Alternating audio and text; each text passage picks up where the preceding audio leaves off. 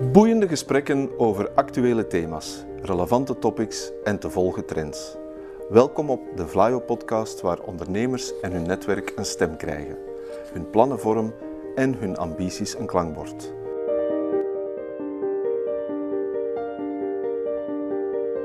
To the point waar het kan, dieper gravend waar het moet. Inspirerend, informerend, ondersteunend. Van artificial intelligence, blockchain en circulaire economie tot digitale zorg. Wij knopen het in jouw oren.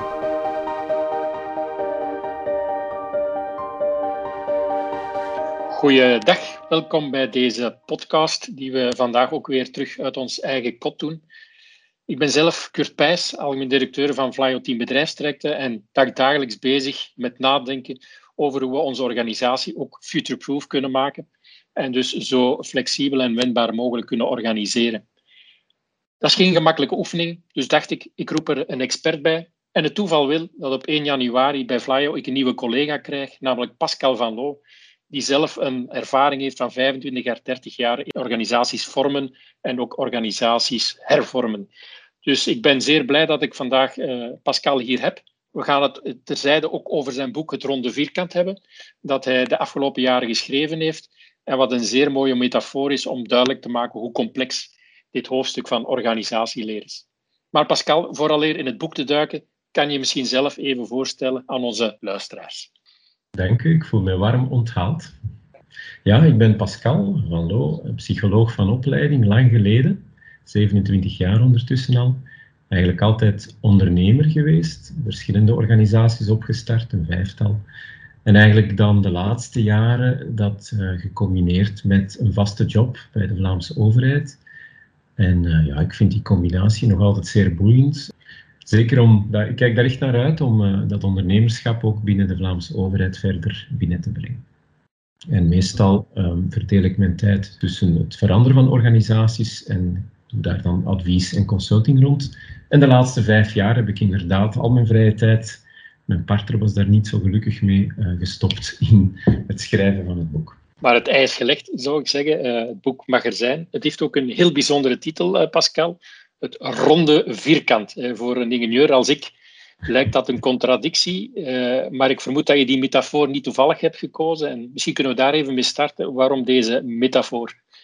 Het klopt, het is ook bewust gekozen. het is een, een, een schijnbare tegenstelling. Dus een tegenstelling die lijkt tegengesteld te zijn, maar dat is nu net ook het, het verhaal, dat een rond en vierkant, dat dat mathematisch niet samen kan. Er zijn uh, wel begrippen voor, ook in de wiskunde. Ik ga daar niet verder ingaan, want dat is mijn domein niet. Maar er bestaat bijvoorbeeld een squircle, het perfecte midden tussen een, vierkant en een cirkel. En waar ik naar verwijs in de oervorm, hè, waar mensen snel een een aanvoelen bij hebben van wat is dat vierkant, hè? afgebakend, gestructureerd, wat is dat rond? Ja, dat is bewegelijk, dat is interactief, dat is fluïde. En dan natuurlijk de combinatie van, van die twee, het hybride. Dus een hybride is voor mij een synoniem dan van het ronde vierkant als titel, hè? de ideale mengvorm.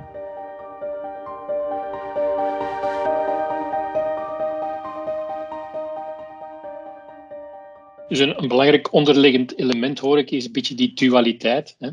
Rond, vierkant. Uh, misschien moeten we eerst even de uiterste opzoeken. Uh, misschien te starten met het vierkant. Uh, wat is voor jou een vierkante organisatie? Want we vertrekken natuurlijk heel sterk vanuit die organisatie. Dat maakt het trouwens ook voor ons boeiend, want je weet, vanuit Flyo, Team Bedrijfstrajecten, ondersteunen we dagelijks innovatieve ondernemingen die heel vaak bezig zijn met nieuwe productinnovaties, diensteninnovaties, zelfs ook nieuwe businessmodellen. Mhm. Maar te vaak vergeten we inderdaad dat innovatie ook in de organisatie zelf natuurlijk belangrijk is. Maar laten we starten met vierkant. Wat betekent ja, dat? Vierkant, hè, dat is inderdaad de ene pool. Dat is in essentie is dat command, control, compliance en compartimenteren. En dat betekent de vier C's, waar je zegt van dat zijn structuren, systemen die afgebakend zijn, die in een soort hiërarchisch gegeven zitten en die dan gericht zijn op het controleren, op het beheersen, hè? alles wat beheersbaar is. En natuurlijk, het effect dan is dikwijls dat uh, dingen in vakjes komen, in compartimenten, en dat ze heel erg bezig zijn, dit soort organisatiesystemen, met hoe passen we in de vakjes en hoe zorgen we dat we aan alle regelgeving, wetgeving, kaders, dat we daaraan voldoen. Dus dat heb ik het vierkante systeem genoemd. Ik pas het in het boek toe op organisatieskurt, maar ja, natuurlijk is het een metamodel. Je kan dat eigenlijk op een mens toepassen. Hè. Je hebt eerder vierkante mensen, je hebt eerder ronde mensen, ehm, zonder dat ik daar de typologie op wil leggen. Maar het helpt wel om makkelijk te voelen van waar zit de essentie. Dus de essentie zit bij die vier C's. Het gestructureerde, dat is het vierkant. Mhm. En zie je dat soort vierkante organisaties in bepaalde domeinen, sectoren dan meer dan in andere? Of uh, zie je ze overal terug? Je ziet ze overal terug. Natuurlijk bij het doelpubliek van Vlago, als je kijkt naar de innovatieve ondernemingen, en zeker in de, in de startfase, hè, in de tijd toen ik er zelf een aantal opgestart heb, ja, dat is vliegen, dat is rond, dat is hè, het tegenstelde van vierkant. Je hebt een idee, dat is op een bierkaartje, een café, je ontmoet mensen, je denkt, met deze mensen ga ik een bedrijf starten. En dat is een en al energie, ideeën, innovatie, dat zit eigenlijk eerder daar. Natuurlijk, als je naar de meer gesettelde sectoren gaat kijken, zoals banken of sommige overheden, niet allemaal, maar dan zie je dat ja, ook soms hoe ouder ze worden, hoe meer stagnatie dat erin komt. Het hangt uiteraard ook vanaf van het regelgevend kader. Hè. Stel dat je een veiligheidsfirma bent op de luchthaven, ja, dan hoop je maar dat dat een vierkante organisatie is en dat als er procedures moeten gevolgd worden, dat die dan piekfijn gevolgd worden. Dan hoop je dat je in een vierkante organisatie terechtkomt. Het wereldbeeld erachter is altijd hetzelfde. Hè? Dat is eigenlijk de metafoor van de organisatie als machine, zoals dat ooit heel mooi verbeeld is geweest door Modern Times en Charlie Chaplin, met allemaal radars die op elkaar inspelen. Dus dat is typisch in, in die sectoren waar je meer vierkante systemen ziet. Bij de startende ondernemers meer dynamische, ronde gegevens. Zo beginnen ze toch meestal. Ja, dus een beetje een Tayloriaanse organisatie, eh, zoals bij Chaplin, daar zie je meer dat soort van controle, want je spreekt heel sterk daar inderdaad over beheersbaarheid. Of mhm. misschien moeten we eerder zeggen het gevoel van beheersbaarheid, hè, dat soort organisaties. Maar dat geeft misschien ook belangrijke valkuilen. Uh, vind je die ook terug in je boek? Ja, ja, zeker. Ik moet zeggen, ik heb er een heel pak moeten schrappen, want uh, in de loop van keek ik te negatief naar het vierkante systeem, terwijl ik nu de laatste jaren ook zie welke meerwaarde vierkant hebben. Hè. In deze coronatijdperken, we kunnen er niet buiten, dan hoop je maar dat er mensen zijn die weten waar ze mee bezig is en dat die een aantal dingen afbakenen, duidelijk stellen, dat ziekenhuizen procedures hebben om juist te triëren, om op te vangen, om te zorgen dat mensen toch snel kunnen herstellen, dat ze de goede procedurele zorg toedienen, dat er know-how... Dus dan hoop je op een vierkant systeem.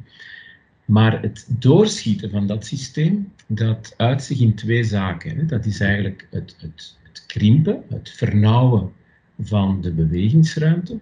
En het, het, ik noem dat graag het vierkantiseren. Dat is als een systeem doorschiet in dat is soms een gevolg van steekvlam. Hè. Er gebeurt een incident, er komt in de pers, er wordt gezegd dat mag nooit meer gebeuren. De politiek kijkt, oei, we moeten hier eh, de regelgeving aanpassen en dan krijg je een vernauwing van de ruimtes. In organisaties zie je dat ook, hè. één incident en dan krijg je een soort regelgeving daar rond die alle vrijheid wegneemt. Dus het uiteindelijke effect is van een vierkant systeem dat, dat het verstikt, dat het doodgaat, dat de de regelruimte, de, de vrijheid, de autonomie, dat die zo klein is dat er eigenlijk weinig nog mogelijk is binnen het systeem.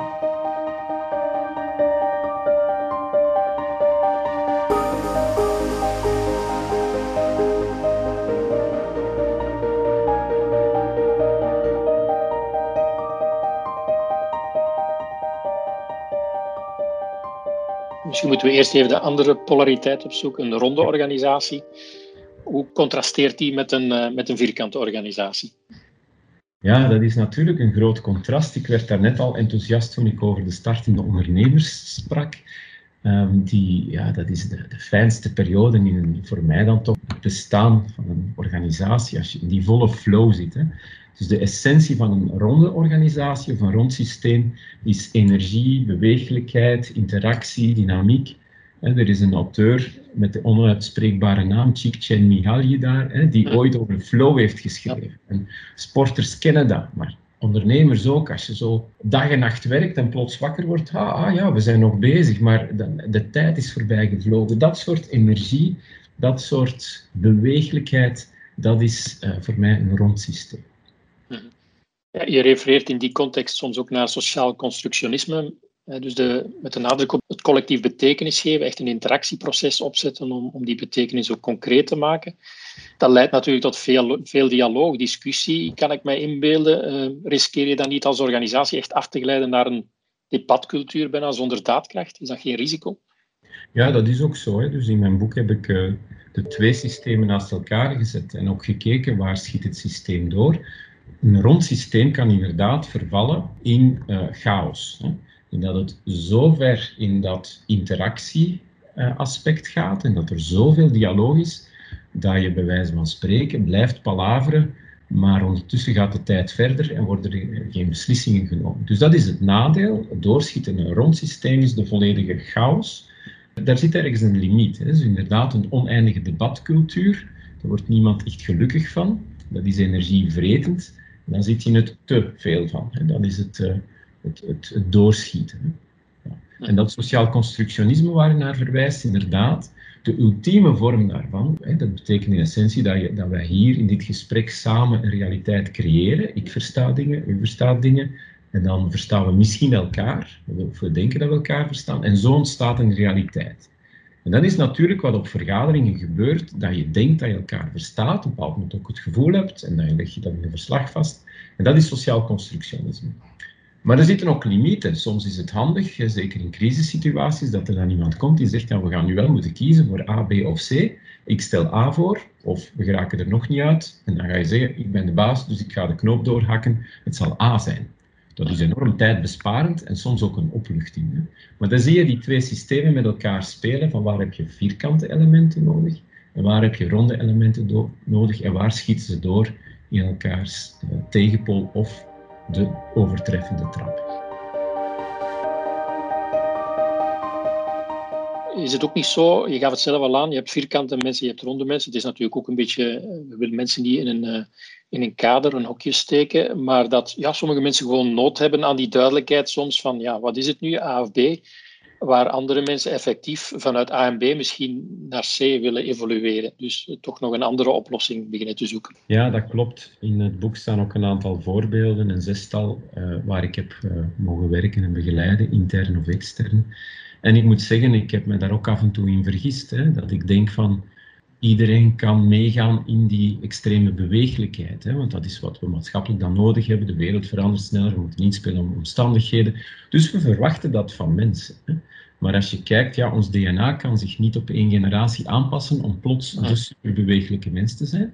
Dus dat is niet voor iedereen weggelegd en dat is misschien zelfs niet wenselijk. Uh, dat uh, hele teams volledig of enkel bestaan uit bewegelijke mensen. Dus te veel bewegelijkheid.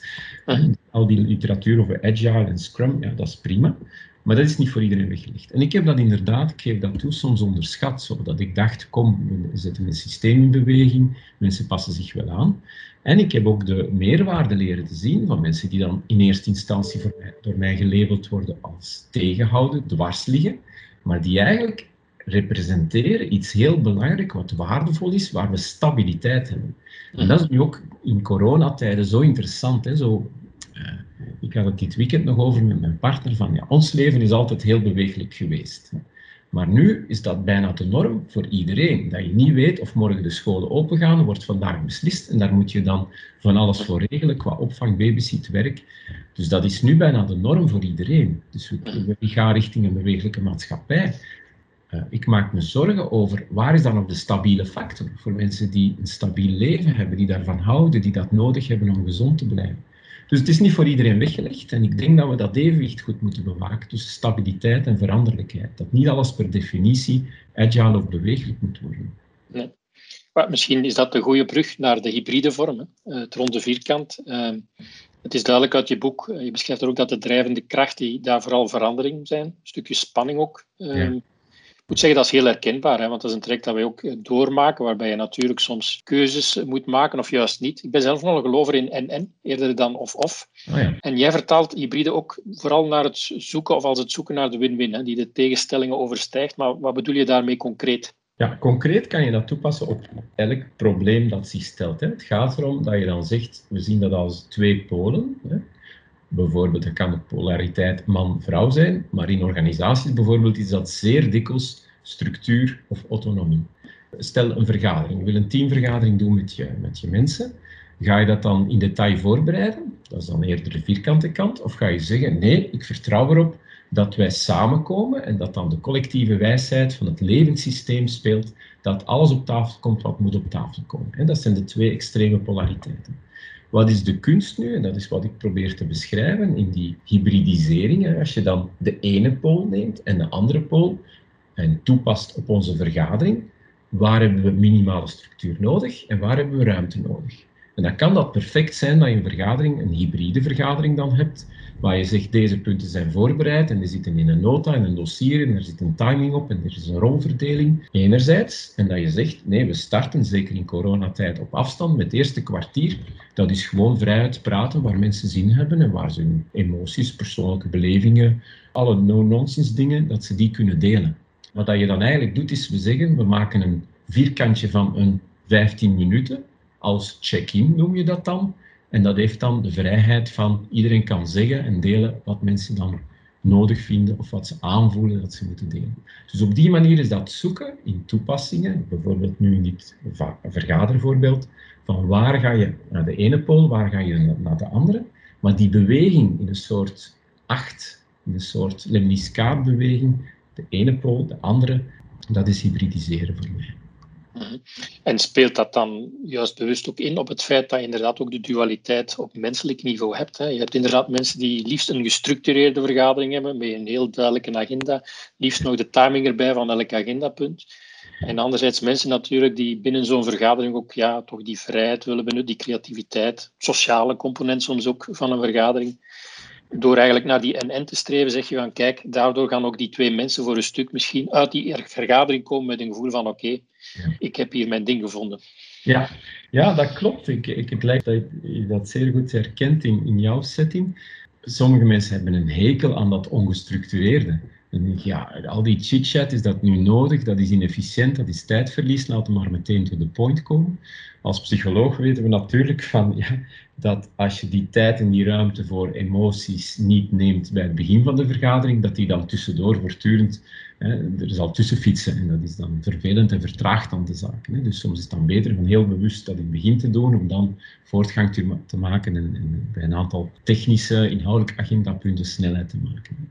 Maar het speelt inderdaad in op die verschillende behoeftes. En met groepen nu, nu, tel ik, nu zet ik het nog maar enkel in polariteit, structuur, autonomie.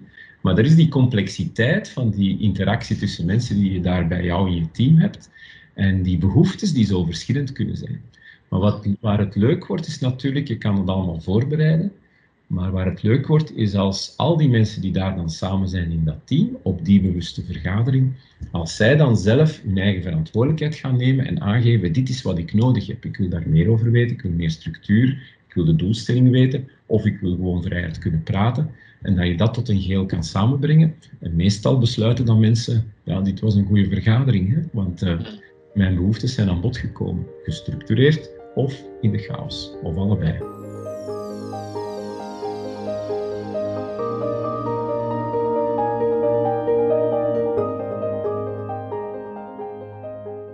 Heb ook het boek eh, recent gelezen van Ivo Brugman, Paradoxaal Leiderschap. was voor mij ook zeer uh, herkenbaar, omdat uiteindelijk op verschillende fronten van een organisatie, strategie, maar bijvoorbeeld ook waarden, hij ook heel duidelijk maakt van kijk, het is uh, vaak en-en.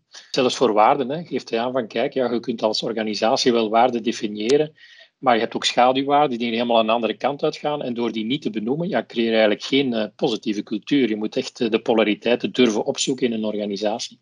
Is dat iets wat je ook herkent? Ja, absoluut. Ik heb daar met Ivo over gesproken. En we hebben ook een aantal oefeningen bedacht om hoe kunnen we mensen bewust laten worden van die, die polariteiten. Want eigenlijk, wij denken bescheiden dat dat de, de, de toekomstige metavaardigheid wordt. Hè. Hoe kan je als mens omgaan met complexiteit in die voortdurend veranderende wereld, hè, dat, je niet, dat, dat, je er niet gek van wordt, maar dat je kan zeggen, ja oké, nu vandaag is het één, morgen is het ander, en ik moet mij daartoe verhouden. Dus dat is heel cruciaal dat we dat leren ontwikkelen, die permanente flexibiliteit in afstemming met dan de stabiliteit. Dus ik, ik zit helemaal op dat spoor met hen. Ik wil het zeker niet de spirituele toer optrekken, maar eigenlijk zit dat in het yin-yang verhaal. Ik vind dat niet altijd makkelijk om dat te vertalen naar bedrijfs- of arbeidscontexten, omdat er weinig contexten zijn waar spiritualiteit echt de volle plek mag hebben op de werkvloer. Maar wat ik versta binnen yin-yang is typisch dat de andere pool per definitie al aanwezig is zodra dat je in de ene richting gaat. Stel bijvoorbeeld, je zegt, je roept, ja, we hebben hier een issue rond de genderevenwichten en we hebben meer mannen nodig in onze vergadering, want er zijn hier te veel vrouwen. Hè? Ja, goed, waar roep je dan op? De tegenstelde pool uiteraard. Hè? Dus door man te noemen roep je vrouw op en omgekeerd. Dus dat is het leuke aan het polariteitenwerk. En daar kan je mooie oefeningen mee doen. Nu, de laatste tijd, zeker met de Verenigde Staten en de verkiezingen die ik daar aan de gang heb gezien, daar zit ik wel met een hypothese of een vraagteken ook, hè, want het, klinkt allemaal heel mooi. Je zegt van, hoe extreem kan je gaan naar de polariteit A of B, man-vrouw, of republikein of democraat? Het is meer en meer mijn overtuiging dat dat zeer goed werkt. Ik ben ook conflictbemiddelaar, dus we zien dat daar ook. Hè, dat je in conflict ga je eerst naar de extreme, om dan te kunnen verbinden. Als je dat te snel doet, dan lukt die verbinding niet. Dan, dan zeggen mensen zo, als in één, één gesprek, dus een, conflict op de werkvloer, en de ene zegt van, ja maar, ik, ik geloof dat niet wat dat jij zegt. Hè. Men kan zich daar niet toe verhouden als eerst die frustratie van de twee polariteiten niet uitgesproken is. Terug naar het Amerikaans voorbeeld, ja, daar zie je hoe ver kan je naar die extreme gaan. En ik heb mij de vraag gesteld, ja, wellicht is het fundament het gebrek aan, aan informatie of transparantie in informatie. Hè? Dus zodra dat de ene pool niet meer kan luisteren of horen wat de andere pool oproept of representeert, kan je geen verbindende relatie meer hebben of kan je geen hybridisering meer hebben.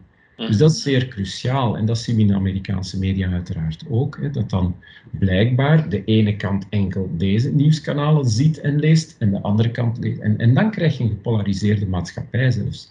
Dus het zal altijd een beweging moeten zijn tussen de twee polen, maar geen enkel verwijdering. Ik weet niet of dat, dat iets zegt of dat dit te abstract is, maar Nee, want ik las recent zelf nog een artikel, het was meer in, op vlak van multiculturaliteit, waar dat ook speelt. In de zin van, oké, culturen kunnen elkaar ook maar aanvaarden, want er is ook vaak polarisatie uiteraard. Kijk maar naar de islam en hoe die zich verhoudt ten opzichte van de westerse wereld, wat ook vaak een zeer gepolariseerde houding wordt door een fractie van informatie die ons bereikt, maar veel andere informatie bereikt ons niet. Waardoor inderdaad mensen van daaruit meer uh, ja, vanuit een soort angst gaan ageren en er eigenlijk ook niet echt nog een uh, behoefte is om effectief te dialogeren met, met de andere polariteit, ja. met de andere kant. Dus uh, het is wel herkenbaar. Ik denk inderdaad informatieflow, ik volg je daarin, is wel heel belangrijk om ja, voor een stukje zicht te krijgen op het perspectief van anderen. Hè. Ik denk dat, ja. dat, dat is wat je wil zeggen. Hè. Ja, ja ook het, het woord angst, Kurt, dat is inderdaad, angst is de driver van een vierkant systeem. Uh -huh. Vertrouwen is de driver van een rond systeem. En als je inderdaad zover gaat in die polariteit tot polarisatie, ja, en die angstdriver blijft dat uit elkaar duwen, dan kan je, dan kan je dromen van bijvoorbeeld multiculturele teams hè, of diversiteit, maar dan kan dat nooit werken. Ik heb daar ooit nog onderzoek rond gedaan in een vorig leven, toen was ik nog een tijdje uh, docent, en dan hadden we thesissen lopen over diversiteit in teams. Werkt dat nu? Ja. ja dat is een actueel vraagstuk, dat is ook uh, maatschappelijk gevoelig.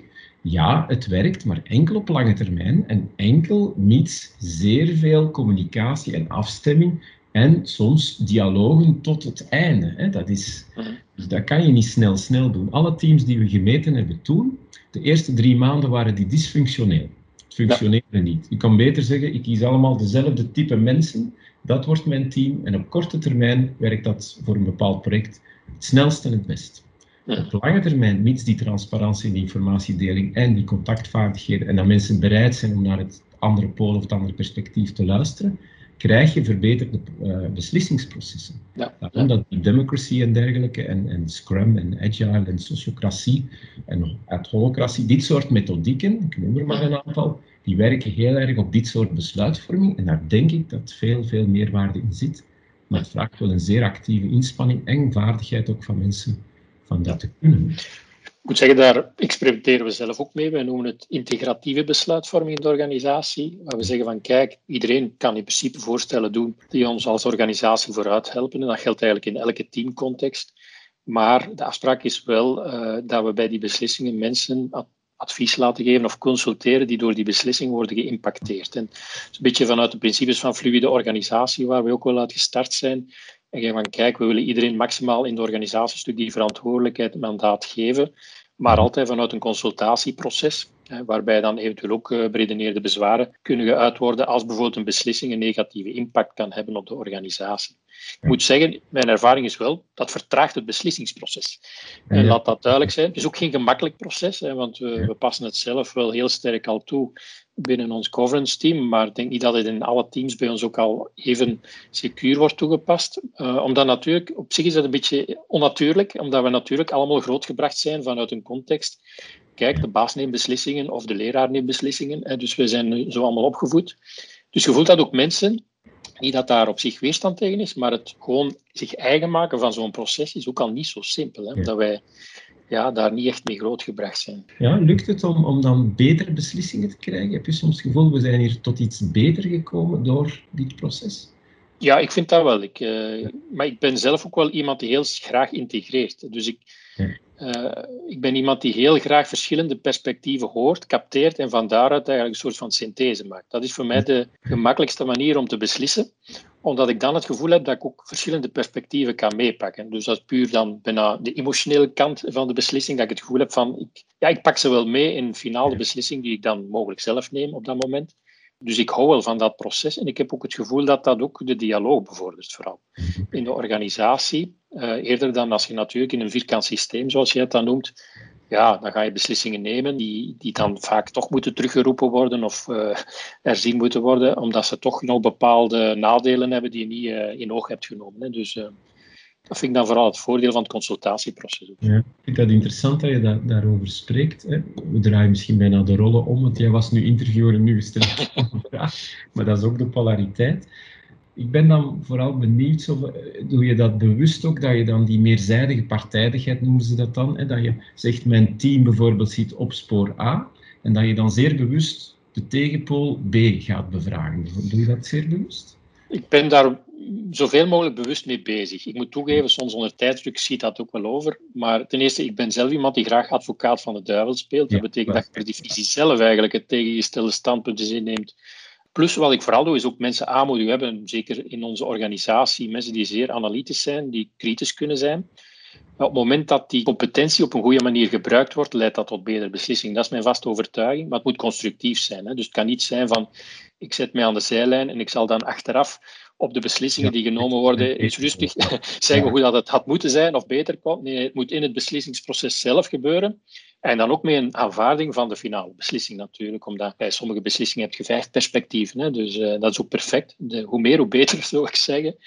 Maar finaal moeten we wel vooruit. Dus uh, dat is ook die valkuil waar ik daar straks over sprak. Ja. We kunnen natuurlijk in dialoog blijven hangen en al die perspectieven blijven afwegen. En ja, dan leidt je tot een soort verlamming in je beslissingsproces. Ja. Dat is risico, denk ik. Ja. ja. Heel, dat helemaal wat je zegt. Zo van. Maar het vergt wel wat van een mens. Het vergt eigenlijk dat je permanent van bril kan wisselen, dat je een systemisch perspectief neemt en dat je durft uh, ook in die andere polariteiten staan. Ook al vind je zelf, ik kies voor optie A op dit moment, maar ik ga toch eens even de voordelen van optie B verkennen om te kijken of we niks meenemen. Vind ik ook zo mooi aan, aan integratieve besluitvorming of consentbeslissingen. Er zijn verschillende namen rond, of deep democracy dan waar dat je eigenlijk dat minderheidsperspectief zeer bewust meeneemt in de meerderheidsbeslissing en daardoor tot een betere eindbeslissing of resultaat komt. Hè.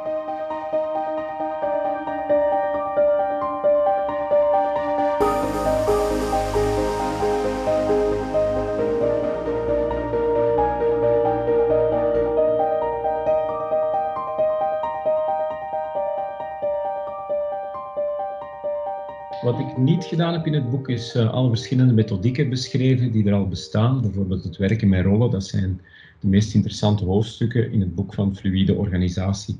Um, staat dat bijvoorbeeld ook. Um, maar dat zijn natuurlijk de methodieken die ik in de praktijk dan toepas.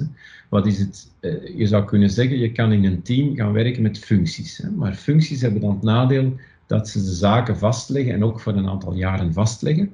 En dan raakt iedereen gebetoneerd hè, in een vierkant systeem. Rollen hebben het voordeel van veel flexibeler mee om te gaan. Je kan toepassen op de eenvoudige manier, hè, vergaderrollen. De klassieke zijn dan voorzitter, secretaris, een verslagnemer, ondersteuner. Dat is klassiek.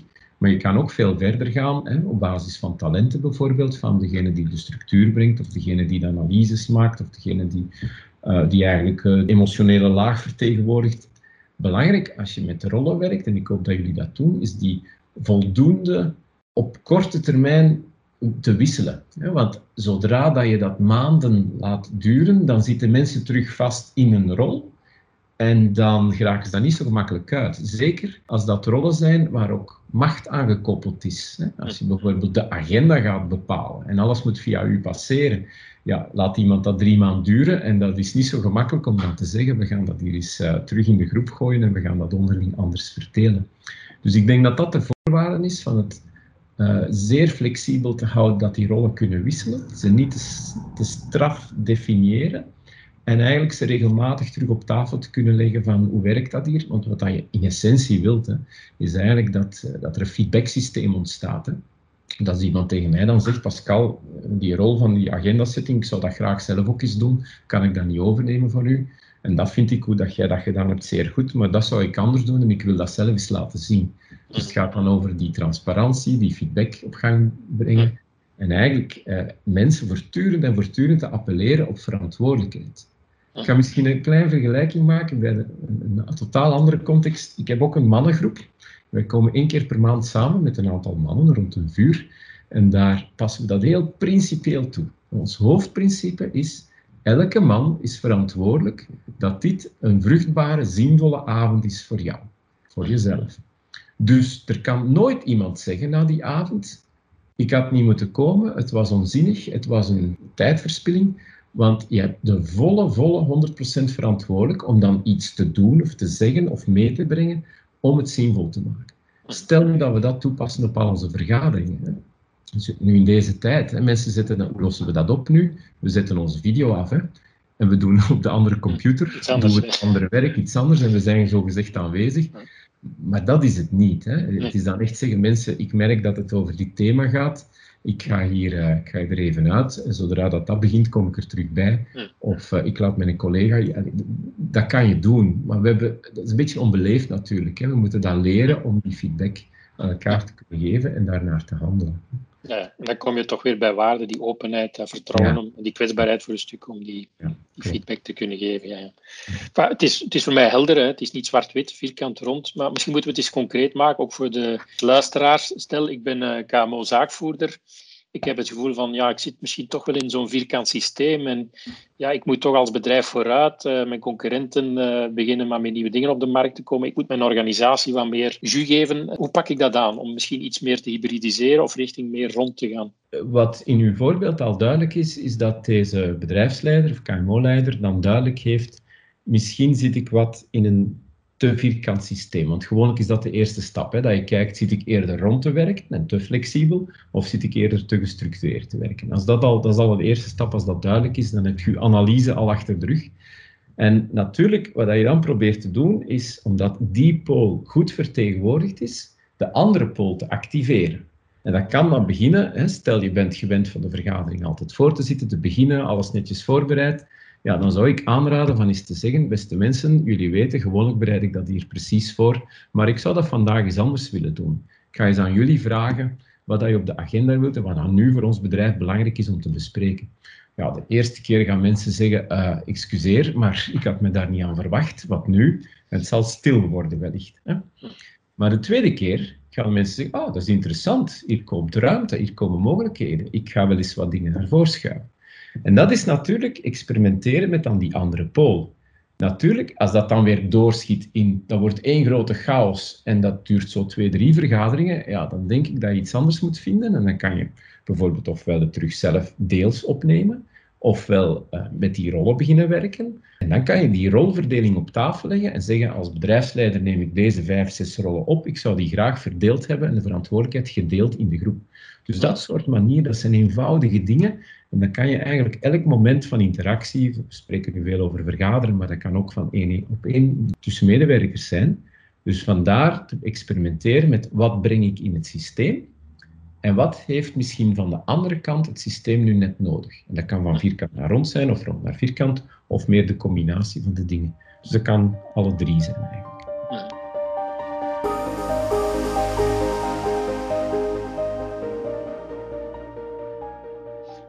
Me ook afvroeg als ik het boek las, van, ja, moet je het echt op organisatieniveau bekijken? Hmm. Natuurlijk afhankelijk van de grootte van een organisatie. Voor een klein, middelgroot bedrijf eh, vermoedelijk wel, maar ik kan me inbeelden voor een zeer groot bedrijf dat je zowel vierkanten als ronde afdelingen hebt bijvoorbeeld. Of is dat echt in contradictie met het concept als?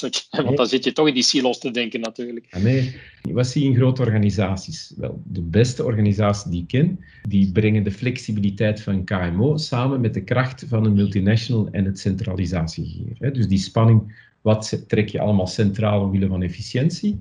We zetten heel de aankoop en uh, al het juridische in onze hoofdzetel. Maar lokaal koppelen we onze service aan wat onze markt nodig heeft en daar moeten we ondernemerschap hebben. Dus dat is interessant om juist die dosis te gaan bepalen. Wat houden we bij het ene centraal, wat houden we bij het andere decentraal? Wat houden we gestructureerd, wat houden we flexibel? Dus dat zijn voorbeelden van spelen. Dus de truc is natuurlijk dat je lokaal, dat je zegt hier is een vierkantje rond. Hè? Neem nu bijvoorbeeld een carglass. Hè? Een carglass heeft heel strakke procedures, is heel erg gericht op uh, operational excellence.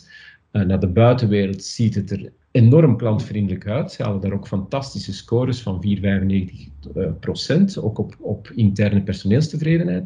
Dus dat is top in de markt, kun je zeggen. Wat is interessant, zij hebben strakke procedures, en ze laten lokaal de vrijheid om die individuele klant die komt voor een herstelling van een ruit, om daar, dat die zaakvoerder of de personeelslid dat daar werkt, zelf te kijken hoe kan ik best deze klant bedienen. Met koffie, thee, iets anders, wilt hij zitten, wilt hij staan. In die kleine dingen, daar zit de autonomie. Dus dat is een voorbeeld van, er is een zeer strak kader, een vierkant kader, en die procedures moeten gevolgd worden, want dat is de bestaansreden van Carglass. En daar, daar draait het hele systeem op, dat is hun businessmodel ook. En tegelijkertijd zijn ze erin geslaagd om ruimte te geven waar het nodig is. Ja, ook weer en-en. Ja, en natuurlijk sluit dat aan bij de motivatiepsychologie. Hoe motiveert je mensen best? Door heel bewust en duidelijk te zijn, dit is het kader, hier zitten nu vrijheidsgraden, wat heb jij nodig als mens? En dan halen mensen het beste uit zichzelf naar boven. Dus het is geen toeval dat zij qua engagement en, en people engagement, dat ze zo'n enorme scores halen en dat die zich vertalen in topscores op klantgerichtheid.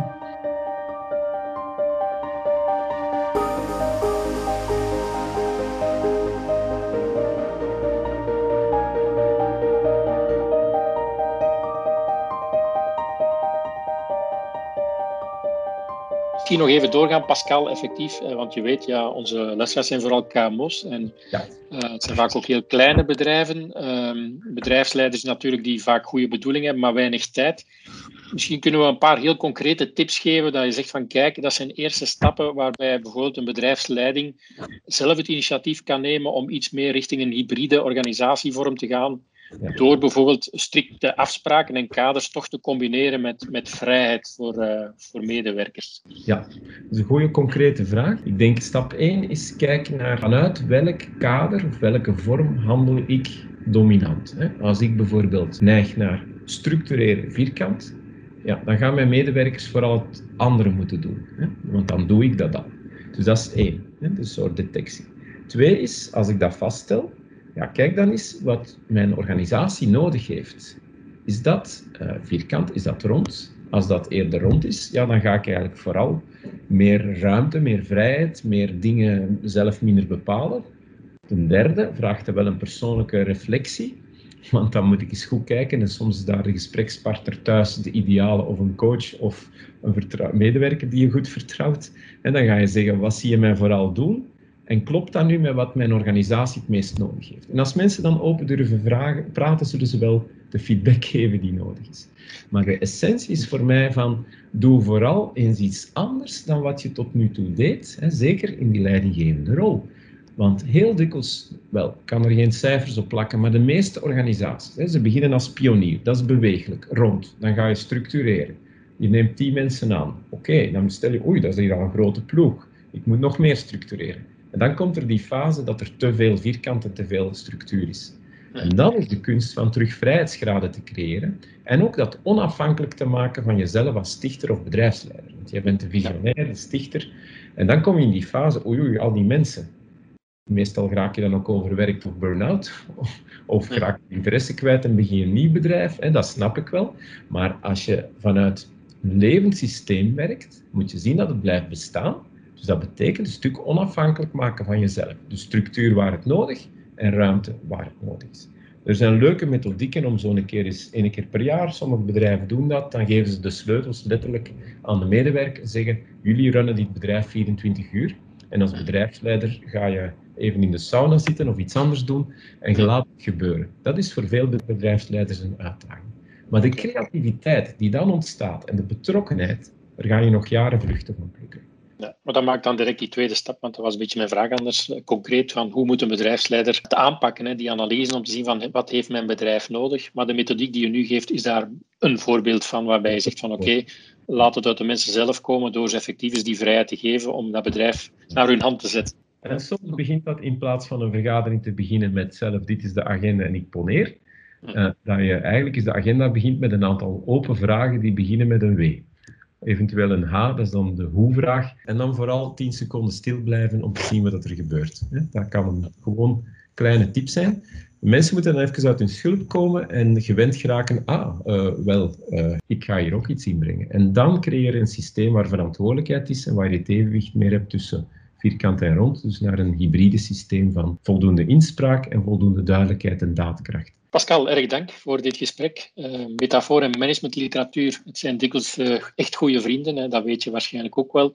Soms is het marketing, maar bij het ronde vierkant denk ik dat we kunnen stellen dat een metafoor heel mooi de spanning benoemt waar ze voor staat. Bewust omgaan met die spanning tussen rond en vierkant, denk ik dat voor menig bedrijfsleider echt wel een uitdaging zal worden. Maar ik denk dat we er allebei van overtuigd zijn dat bedrijven die innovatief willen zijn, absoluut ook moeten werken aan hun organisatie. En dat misschien effectief het ronde vierkant daarbij een, mooie metafoor is om daar zeer bewust eh, mee om te gaan.